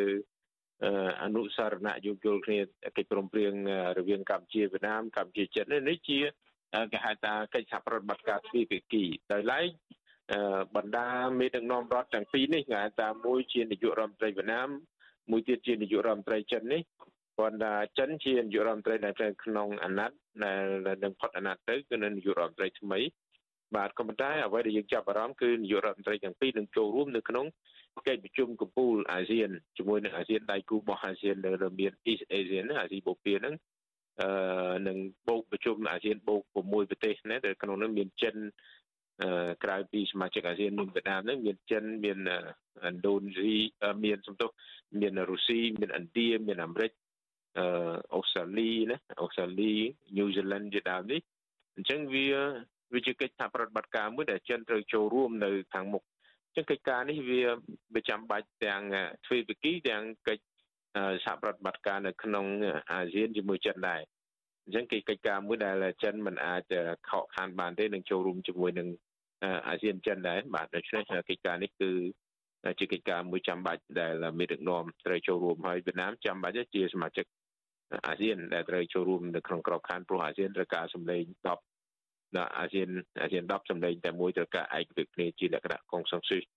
ចឹងនៅក្នុងការឯកភាពការទទួលយកនៅគេហៅថាសំណើឬក៏បញ្ចូលសមាជិកនៃគេហៅថាដៃគូមិត្តភាពសហប្រតិបត្តិការដូចជាអ៊ុយក្រែនហើយនិងអេស្ប៉ាញនេះក៏ត្រូវការចាំបាច់នៅការឯកភាព ពីព្រោះមានការផ្ដាល់ភ្លើងខៀវតាមទទួលបានព័ត៌មានការផ្ដាល់ភ្លើងខៀវពី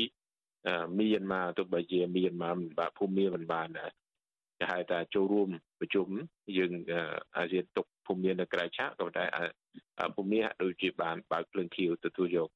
តាមការឯកភាពរបស់អាស៊ានដែរបាទបាទតើចិននិងវៀតណាមអាចប្រើវិធីដាក់សម្ពាធអីលើកម្ពុជាដើម្បី ឲ្យជជែកឬក៏ដើម្បីទាញយកប្រយោជន៍អំពីចំនួននៅសមុទ្រចិនខាងត្បូងដែរទេបាទក្នុងកិច្ចប្រជុំអាស៊ានខាងមុខនេះអឺបើតាមទស្សនៈខ្ញុំកិច្ចប្រជុំអាស៊ាននៅលើកនេះឆ្នាំ2022នឹងមិនជួបឧបសគ្គដូចជាការប្រជុំអាស៊ានដោយការឆ្នាំ2012ដែលយើងមានការជាប់គាំងនៅការមិនចេញមិនអាចចេញសេចក្តីថ្លែងការណ៍បានភ្លាមភ្លាមរហូតដល់បណ្ដាប្រទេសទាំងអស់នេះត្រឡប់ទៅវិញទើប ផ្ញើការឯកភាពមកតាមក្រោយទៅក្នុងការចេញសេចក្តីថ្លែងការណ៍ក៏ប៉ុន្តែអ្វីដែលយើងគិតថាมันអាចមានឧបសគ្គនោះគឺនៅក្នុងនៅក្នុងជំនួបអាស៊ានលើកនេះគេសង្ឃឹមថាកម្ពុជាអាចសម្រេចបាននៅក្រមប្រតិបត្តិរួមមួយដែលអសកថា Code of Conduct អសកថាគេហៅថា COC នេះនៅក្នុងឆ្នាំ2022ដែលនៅក្នុងនាមកម្ពុជាជាប្រធានអាស៊ានប្រូវីនអឺដែលកម្ពុជាធ្លាប់បានអនុម័ត នៅសេចក្តីប្រកាសរួមមួយកាលពីឆ្នាំ2002ម្ដងការជើជាប្រធានអាស៊ានលើកទី1ហើយសេចក្តីប្រកាសរួមនោះនឹងជំរុញយើងជំរុញឲ្យមានការទៅជាក្រមប្រតិបត្តិរួម COC នេះក្រមប្រតិបត្តិរួមនេះ ដែលមានការជជែកគ្នាតាំងពី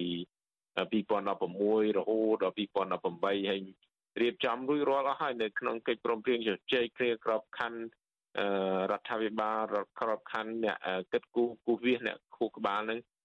តែបានប្រជុំគ្នាយូរហើយហើយនឹងថាសម្រាប់តាំងពីឆ្នាំមុននោះប៉ុន្តែគេថាអាចហាក់ដូចជាបកគលសិទ្ធិអំណាចឬក៏ឱកាសនឹងទុកឲ្យកម្ពុជាជាអ្នកអនុម័តនៅក្រមបប្រតិបត្តិរួមនៅឆ្នាំ2022នេះប៉ុន្តែបើតាមការសង្កេតរបស់ខ្ញុំខ្ញុំថាប្រហែលជាមិនអាចចេញរួចទេនៅក្រមបប្រតិបត្តិរួមនេះដោយសារតែទី1ពាក់ព័ន្ធទៅនឹងកាលពី ដូចជាដើមឆ្នាំឆ្នាំខែកុម្ភៈកន្លងមកនេះសហរដ្ឋអាមេរិកបានទាត់ចោលនៅដែនអធិបតេយ្យភាពដែលចិនកាន់កាប់នៅក្នុងឈូងសមុទ្រចិនខាងត្បូងពាក់ជំនួសកោះប្រជុំកោះ Spratly និង Paracel ជាមួយនឹងសមាជិកអាស៊ាន4មានវៀតណាមហ្វីលីពីនម៉ាឡេស៊ីនិងប្រ៊ុយណេហើយរហូតដល់មានឥឡូវមានជំនួសជាមួយនឹងឥណ្ឌូនេស៊ីមួយទៀតឡើង5ប្រទេសពាក់ព័ន្ធ ដូច្នេះកិច្ចការនេះប្រហែលជាមិនអាចសម្រេចទេដោយសារតែសហរដ្ឋអាមេរិកបានទាត់ចោលនៅការកាន់កាប់ឬការគ្រប់គ្រងរបស់ចិននៅលើក្នុងសមុទ្រចិនខាងត្បូងដោយសារតែប្រទេសពីរនៅក្នុងសំខាន់គឺមានហ្វីលីពីននិងវៀតណាមជាសម្ព័ន្ធមិត្តជិតស្និទ្ធជាមួយនឹងសហរដ្ឋអាមេរិកប្រហែលជានឹងចង់បានប្រជាពលចង់បានយកឱកាសក្នុងការចរចាឲ្យមានលក្ខណៈមានព្រៀបជាងនេះបាទ ហើយនៅក្នុងមួយទៀតគឺពាក់ព័ន្ធទៅនឹងកិច្ចព្រមព្រៀងរវាងអាស៊ានជាមួយនឹងសហរដ្ឋអាមេរិកកាលនៅអឺខែឧសភានៅទីក្រុង Washington នោះកិច្ចប្រជុំកម្ពុជាពិសេសអាស៊ានអាមេរិកនៅទៅទឹកដីសហរដ្ឋអាមេរិកថ្ងៃ12 13ឧសភាកន្លងមកនេះមានការព្រមព្រៀងឯកសារ20ចំណុច23ចំណុចតូចៗហ្នឹងហើយមានចំណុចពាក់ព័ន្ធទៅនឹងការទទួលស្គាល់ឬការឈរលើគោលការណ៍ច្បាប់អន្តរជាតិ ច្បាប់ជាពិសេសគឺច្បាប់សមុទ្រឆ្នាំ1982ត្រង់ចំណុចនេះគឺបានន័យថាកាលណាទទួលស្គាល់នេះវាហាក់ដូចជាសហរដ្ឋអាមេរិកទាត់ចោលការកាន់កាប់បោះចិត្តនៅក្នុងជួរសមុទ្រចិនខាងត្បូងហើយទៅអនុវត្តតាមច្បាប់សមុទ្រឆ្នាំ1982ដែរអញ្ចឹងចរន្តនេះខ្ញុំគិតថាប្រហែលជាមិនអាចលើកយកមកជជែកគ្នានៅក្នុងក្របខ័ណ្ឌប្រជុំអាស៊ានកម្ពុជាអាស៊ានលើកនេះទេបាទនៅក្នុងបញ្ហាក្រមប្រតិបត្តិរួមនេះបាទ បាទបាទអឺកិច្ចប្រជុំអាស៊ានខាងមុខនេះវត្តមានរបស់ប្រធានាធិបតីសហរដ្ឋអាមេរិកក៏នឹងចូលរួមដែរតើស្ថិតនៅក្នុងបរិបទដែលមានការប្រជែងឬក៏ប្រឈមមុខគ្នារបស់មហាអំណាចចិននិងសហរដ្ឋអាមេរិកនេះកម្ពុជាគួរតែប្រកាន់ជំហរបែបណាឬក៏គួរតែសម្របសម្រួលបែបណាដែរបាទខ្ញុំគិតថាបញ្ហានេះវាមិនជាបញ្ហាក្តៅឬក៏រសើបខ្លាំងសម្រាប់កម្ពុជាជាប្រធានអាស៊ានប្រូវីនលើកនេះទេដោយសារតែ នៅក្នុងមូលបត្ររបស់អាស៊ានបានថាជាការរួមគ្នាធ្វើរួមគ្នាដោះស្រាយហ្នឹងគឺបានជ្រើសរើសយកមជ្ឈភាពរបស់អាស៊ានបានភាពជាកណ្ដាលរបស់អាស៊ានហើយជាចំណុចមួយដែលសហរដ្ឋអាមេរិកពេញចិត្តណាស់ចង់ឲ្យអាស៊ាននឹងឈរកណ្ដាលហើយក៏ជាជាចំហរបស់អាស៊ានឯកភាពគ្នាដូច្នេះចិនទោះបីជាយ៉ាងណាក៏មានបណ្ដាសមាជិក4ដែលឆ្លោះមួយចិនរឿងបញ្ហាសមុទ្រចិនខាងត្បូងក៏មានទំហំឬក៏ការផ្លាស់ប្ដូរពាណិជ្ជកម្មជាមួយនឹងចិនច្រើនដែរអញ្ចឹងក៏មិនចង់ឲ្យមានភាពគេហៅថារកម្មរកោសឬក៏ឆ្លោះជាមួយចិនដែរព្រោះតែជិះវាអរួយវាឆ្លោះទៅរឿងបញ្ហាសមុទ្រចិនខាងត្បូងទៅហើយអញ្ចឹងអាស៊ានឈរនៅកណ្ដាលនេះជាចំណុចមួយកាត់បន្ថយនៅភាពប្រសើរភាពប្រទាំងប្រទើគ្នាច្រើនណាស់ហើយលក្ខណៈនេះគឺចំនួនដែនសមុទ្រចិនខាងត្បូងនឹងអាចនៅក្នុងក្របខ័ណ្ឌចិនជាមួយនឹង បណ្ដារដ្ឋសមាជិកអាស៊ានទ្វេភាគីទៅដូច្នេះបញ្ហានេះអាស៊ានឬក៏កម្ពុជានឹងឈរលក្ខណៈកណ្ដាលនឹងខ្ញុំគិតថាវាអាចកាត់បន្ថយភាពប្រសើរឬក៏បខំឲ្យបណ្ដារដ្ឋសមាជិកអាស៊ាននឹងអាចជ្រើសរើសការសង្ខ្លែងរវាងចិនឬក៏អាស៊ានអាចឈរនៅកណ្ដាលរើសទាំងពីរហ្មងណាមិនចោលទាំងពីររើសទាំងពីរតែម្ដងបាទបាទសូមអរគុណលោកអានសវណ្ណរាដែលបានចំណាយពេលវេលាចូលរួមផ្ដល់បទសម្ភាសន៍ខ្លីនៅក្នុងរាត្រីនេះបាទសូមអរគុណសូមជម្រាបលាបាទជូនពរសុខសប្បាយបាទបាទសូមអរគុណ ចាលោកដានៀងកញ្ញាទៅបានស្ដាប់បទសម្ភាសន៍របស់លោកថាថៃនិងលោកអែមសវណ្ណារាអ្នកជំនាញវិទ្យាសាស្ត្រនយោបាយនិងតំណាក់តំណងអន្តរជាតិជុំវិញមេដឹកនាំចិននិងវៀតណាមបានជួបលោកហ៊ុនសែនមុនពេលកិច្ចប្រជុំអាស៊ានមកដល់ដើម្បីតាក់ទាញយកប្រយោជន៍ពីកម្ពុជា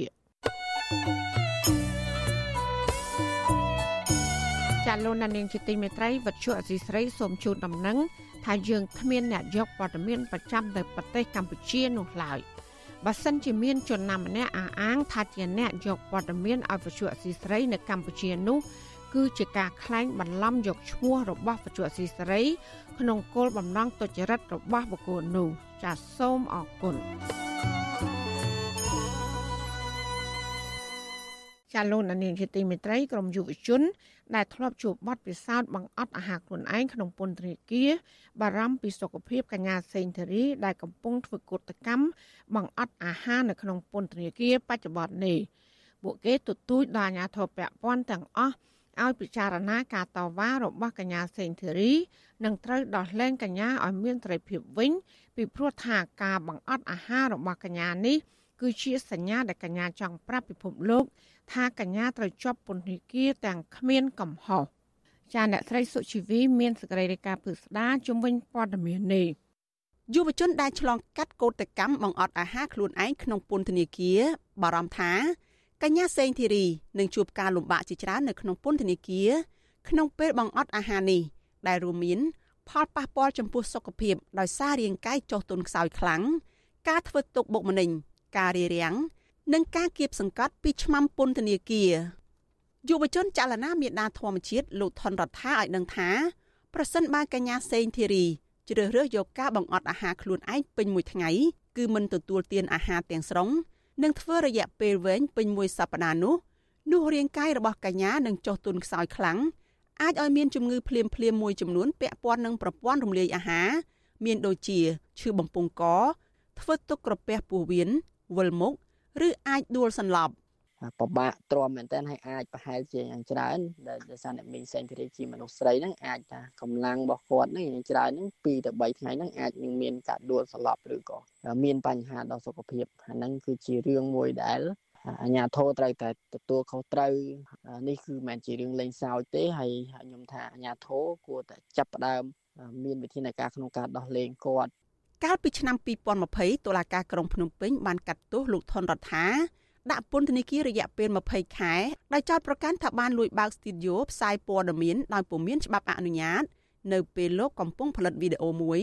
ដើម្បីទាមទាររដ្ឋាភិបាលបញ្ឈប់លុបបឹងតមោកថនរដ្ឋាបានរួចខ្លួនមកវិញក្រោយជាប់ពន្ធនាគារបានរយៈពេល14ខែប៉ុន្តែត្រូវស្ថិតក្នុងការត្រួតពិនិត្យរបស់តុលាការរយៈពេលប្រមាណ3ឆ្នាំ នៅពន្ធនាគារព្រៃសរ រដ្ឋាធ្លាប់តវ៉ាមិនហូបអាហារចំនួន1ថ្ងៃនៅក្នុងមួយសប្តាហ៍ជាមួយសកម្មជនសង្គមមួយចំនួនទៀតដើម្បីបង្ហាញថាពួកគេជាប់ពន្ធនាគារដោយអយុត្តិធម៌និងទាមទារឲ្យអាជ្ញាធរពន្ធនាគារយល់ព្រមឲ្យសកម្មជនសង្គមអាចទូរស័ព្ទជួបជាមួយសាច់ញាតិនៅក្រៅពន្ធនាគារនៅពេលមានវិបត្តិជំងឺ Covid-19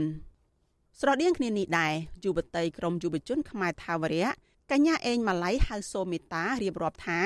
កោតកម្មបង្អត់អាហារជាជំរើសមួយ ដែលអ្នកជាប់ឃុំដោយអយុត្តិធម៌ឬដោយពុំបានប្រព្រឹត្តកំហុសសោះប្រើប្រាស់នៅពេលដែលពួកគាត់មានជំរើសតិចតួចប៉ុណ្ណោះក្នុងការសម្ដែងមតិប្រឆាំងនឹងភាពអយុត្តិធម៌ឬការរំលោភបំពានសិទ្ធិនៅក្នុងពន្ធនាគារកញ្ញាបន្តថាក្នុងពេលកញ្ញាជាប់ពន្ធនាគារដំបូងឆ្មាំពន្ធនាគារបានបញ្ជូនកញ្ញាទៅនៅក្នុងបន្ទប់ពិន័យដែលកខ្វក់ដេកមិនបានប្រៀបបាននឹងទារុណកម្មលើរូបកញ្ញានោះ មេតាចាប់ផ្ដើមបង្អត់អាហារខ្លួនឯងឆ្លើយតបទៅនឹងទង្វើរបស់ឆ្មាំគុកកញ្ញាសូមេតាបន្តថាករណីកញ្ញាសេងធីរីក៏មិនខុសគ្នានេះដែរគឺកញ្ញាសេងធីរីធ្វើកោតកម្មមិនទទួលទានអាហារនៅពេលនេះគឺដើម្បីប្រាប់អ្នកជុំវិញខ្លួន សាធារណជននិងពិភពលោកថានៅទីដែលកញ្ញាកំពុងនៅ មានភាពអយុត្តិធម៌ដែលមិនអាចទទួលយកបាន។ យើងបង្អត់អាហារគឺយើងចង់បញ្ជាក់ថាយើងស្រែកឃ្លាននៅយុទ្ធធរហើយយើងចង់បង្ហាញទៅដល់មន្ត្រីអាជ្ញាធរដែរទាំងអស់ខ្ញុំជឿថាពួកគាត់ក៏មានមនសិការភាគរយតិចតួចដែរនៅក្នុងបេះដូងរបស់គាត់គាត់ជាខ្មែរអញ្ចឹងគាត់ក៏ឈឺចាប់ដែរអញ្ចឹងខ្ញុំជឿថាអាមនសិការដែលស្ពឹកស្អុយរលួយរបស់គាត់នៅក្នុងខ្លួនហ្នឹងគាត់នឹងអាចអឺក្រោកឡើងវិញហើយថាគាត់ចាប់ ជនដែលมันមានកំហុសមកឃុំនេះអញ្ចឹងគាត់ជាអ្នកដែលត្រូវទទួលខុសត្រូវហើយទៅដោះលែងគាត់នឹងមកវិញអាជ្ញាធររាជធានីភ្នំពេញបានចាប់ខ្លួនកញ្ញាសូមេតាកាលពីខែកញ្ញាឆ្នាំ2020នៅខណ្ឌច្បារអំពៅហើយតុលាការបានសម្រេចឃុំខ្លួនកញ្ញាក្នុងពន្ធនាគារជាង1ឆ្នាំពីបទញុះញង់បង្កឲ្យមានភាពវឹកវរធ្ងន់ធ្ងរដល់សន្តិសុខសង្គម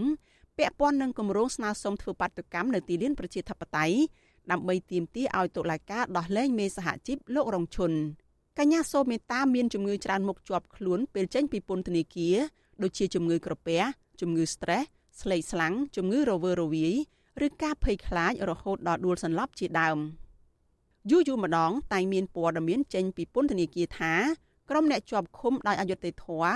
ឬអ្នកទោសមនសិការនាំគ្នាធ្វើកោតកម្មពួកគេតវ៉ារួមគ្នាជាក្រុម ឬតវ៉ាតែម្នាក់ឯងដើម្បីឲ្យមន្ត្រីពន្ធនាគារ យកចិត្តទុកដាក់ដោះស្រាយបញ្ហារបស់ពួកគេក្នុងនោះរួមមានទាំងបញ្ហាបន្ទប់ចង្អៀតណែនអនាម័យការជក់បារីក្នុងបន្ទប់ការរំលោភបំពានសិទ្ធិការរើសអើងនិងការរារាំងមិនឲ្យក្រុមគ្រួសារចូលសួរសុខទុក្ខជាដើមក្រៅពីការតវ៉ាដោយបង្អត់អាហារខ្លួនឯងអ្នកជាប់ឃុំក៏អាចនាំគ្នាតវ៉ាដោយមិនត្រឡប់ចូលបន្ទប់ឃុំឃាំងឬមិនព្រមចេញពីបន្ទប់ឃុំឃាំង ពួកគេអាចសរសេរលិខិតរាយរាប់ពីការលំបាកផ្ញើទៅអ្នកគ្រប់គ្រងពន្ធនាគារឬទៅសារព័ត៌មាននៅខាងក្រៅពន្ធនាគារនិងការលើកបដារួមគ្នានៅខាងក្រៅឬក្នុងបន្ទប់ឃុំឃាំងជាដើមតាមរយៈសកម្មភាពទាំងនេះទំនងណាស់ដែលគេអាចបកស្រាយបានថា អ្នកជាប់ឃុំ អាចប្រើប្រាស់សិទ្ធិតវ៉ាបានងាយស្រួលនៅក្នុងពន្ធនាគារតែតាមជាក់ស្ដែងការតវ៉ានោះ គឺមិនងាយស្រួលឡើយកញ្ញាសូមេតាបញ្ជាក់ថា ជាធម្មតាឆ្មាំពន្ធនាគារនឹងមិនបណ្ដោយឲ្យរឿងនេះកើតឡើងដោយងាយស្រួលឡើយនៅពេលដែលគេដឹងថាមានការតវ៉ាម្ដងម្ដង អ្នកតវ៉ាត្រូវគេជេរប្រមាថជេរប្រតិចត្រូវដាក់នៅឯកោ ពេលខ្លះត្រូវដៃជើងរបស់ឆ្មាំពន្ធនាគារដែលភ ieck ច្រើនជាអ្នកជាប់ទោសដោយទោសឧក្រិដ្ឋវាយធ្វើបាបជាការប្រមានខ្ញុំនៅព្រៃសរមន្ត្រីគេតែងតែលើកឡើងបែបហ្នឹងតែការយាយី គម្រាមកំហែងរបស់គេ ការអុកលុករបស់គេគេនៅតែមានអញ្ចឹងគេអុកលុកគេគម្រាមកំហែងយើងដោយបច្ចោលអានេះគ្រាន់តែគេលើកឡើងដើម្បីឲ្យវាមើលទៅល្អមើលលើសពីនេះកញ្ញាសូមេតាគិតថាករណីកញ្ញាសេងធីរីមន្ត្រីពន្ធនាគារអាចនឹងមានផែនការរាំងខ្ទប់បិទរាល់ព័ត៌មានទាំងអស់ពីកញ្ញាសេងធីរីធ្វើយ៉ាងណាមិនឲ្យព័ត៌មានពីការបង្អត់អាហារនេះបានធ្លាយចេញមកខាងក្រៅពន្ធនាគារឡើយ ទំនងជាមិនខុសពីការគិតទុករបស់កញ្ញាសូមេតាទេ មកដល់ពេលនេះស្ទើរតែគ្មានព័ត៌មានទាល់តែសោះពីការធ្វើកោតកម្មបង្អត់អាហាររបស់កញ្ញាសេងធីរី នៅក្នុងពន្ធនាគារនៅក្នុងខេត្តព្រះវិហារតកតងនៅរឿងនេះកញ្ញាសេងធីរីបានផ្ញើលិខិតចេញពីពន្ធនាគារកាលពីចុងខែតុលាថាកញ្ញានឹងធ្វើកោតកម្មបង្អត់អាហាររយៈពេលមួយសប្តាហ៍ចាប់ពីថ្ងៃទី7ខែវិច្ឆិកា ដើម្បីទាមទារឲ្យតុលាការដោះលែងកញ្ញាឲ្យមានសេរីភាពមកវិញដោយគ្មានលក្ខខណ្ឌចំណែកមេធាវីសិទ្ធិមនុស្សអន្តរជាតិរបស់កញ្ញាសេងធីរីបានបញ្ជាក់បន្ថែមថាកោតកម្មអត់អាហាររយៈពេលមួយសប្តាហ៍នេះដើម្បីទាមទារឲ្យអាជ្ញាធរពន្ធនាគារផ្លាស់ប្តូរកញ្ញាពីការឃុំខ្លួននៅក្នុងខេត្តព្រះវិហារមកពន្ធនាគារនៅភ្នំពេញវិញនិងស្នើឲ្យអាជ្ញាធរបើកឲ្យកញ្ញាមានសិទ្ធិទទួលបានសេវាផ្សេងៗក្នុងពន្ធនាគារ ឲ្យបានដូចគ្នានឹងអ្នកជាប់ឃុំផ្សេងទៀតដែរក្នុងនោះរួមទាំងសិទ្ធិទៅបួងសួងតាមគ្រឹះសាសនា និងប្រើទូរស័ព្ទជាដើមវិទ្យុអាស៊ីសេរីនៅមិនទាន់អាចសុំការឆ្លើយតបរឿងនេះពីអ្នកនាំពាក្យនាយកដ្ឋានពន្ធនាគារលោកនុតសាវណ្ណាបានទេប៉ុន្តែលោកធ្លាប់អះអាងថាការតវ៉ាបង្អត់អាហារជាសេរីភាពរបស់អ្នកជាប់ឃុំការតវ៉ាបង្អត់អាហារក្នុងពន្ធនាគាររបស់កញ្ញាសេងធីរីនេះស្របពេលដែលកម្ពុជាក្នុងនាមជាប្រធានបដូវវេនអាស៊ាន រៀបចំខ្លួនស្វាគមន៍មេដឹកនាំនៃបណ្ដាប្រទេសជាសមាជិកអាស៊ាន និងប្រទេសជាដៃគូអាស៊ានរួមទាំងប្រធានាធិបតីអាមេរិកលោកโจ Biden ផងដែរដែលនឹងមកចូលរួមកិច្ចប្រជុំកំពូលអាស៊ាននិងកិច្ចប្រជុំពាក់ព័ន្ធដទៃទៀតនៅក្នុងសប្តាហ៍នេះអ្នកជំនាញវិទ្យាសាស្ត្រនយោបាយនិងកិច្ចការអន្តរជាតិលោកអែមសវណ្ណារាមានប្រសាសន៍ថាការតវ៉ារបស់កញ្ញាសេងធីរីនៅពេលនេះនឹងមិនបានការឆ្លើយតបពីអាជ្ញាធរកម្ពុជាឡើយ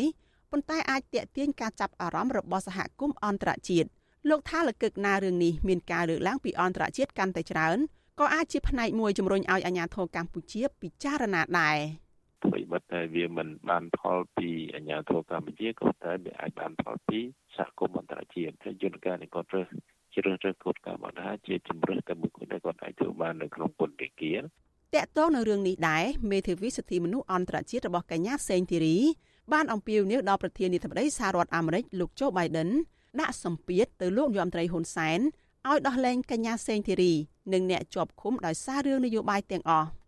មេធាវីសិទ្ធិមនុស្សអន្តរជាតិក៏បានរំលឹកពីសំណើរបស់ក្រុមអ្នកសិទ្ធិមនុស្សអន្តរជាតិអង្គការផ្នែកពង្រឹងប្រជាធិបតេយ្យនិងមន្ត្រីការទូតអាមេរិកដែលជំរុញរដ្ឋាភិបាលលោកហ៊ុនសែនគោរពសិទ្ធិមនុស្សជាពិសេសសិទ្ធិនយោបាយសេរីភាពបញ្ចេញមតិនិងការធានាផ្ដល់លទ្ធភាពគ្រប់បែបយ៉ាងដល់ពលរដ្ឋ ក្នុងនាមជាប្រទេសប្រជាធិបតេយ្យសមត្ថកិច្ចចាប់ខ្លួនស្ត្រីខ្មែរសញ្ជាតិអាមេរិកកាំងកញ្ញាសេងធីរីជាអ្នកជំនាញច្បាប់និងកិច្ចការអន្តរជាតិកាលពីថ្ងៃទី14ខែមិថុនាក្រោយតុលាការប្រកាសសាលក្រមកាត់ឲ្យកញ្ញាជាប់ពន្ធនាគារ6ឆ្នាំពីបទរួមគំនិតក្បត់ក្នុងសំណុំរឿងវិលជុលស្រុកវិញរបស់លោកសំរងស៊ីកាលពីឆ្នាំ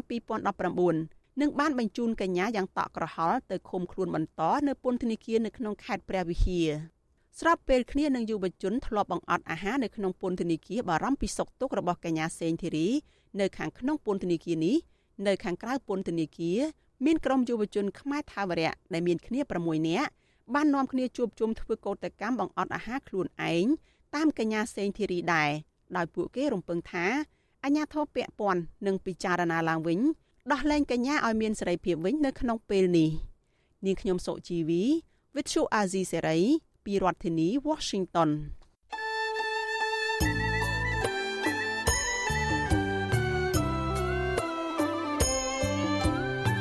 ចាលោកនាងកញ្ញាអ្នកស្ដាប់ទទីមេត្រីកັບផ្សាយរយៈពេល1ម៉ោងនៃវិទ្យុអាស៊ីស្រីជាភាសាខ្មែរនៅពេលនេះចាប់តែប៉ុណ្ណេះ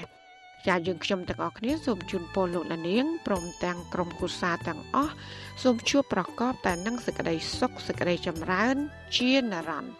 ចានាងខ្ញុំម៉ៃសុធានីព្រមទាំងក្រុមការងារទាំងអស់នៃវិទ្យុអាស៊ីស្រីសូមអរគុណនិងសូមជម្រាបលា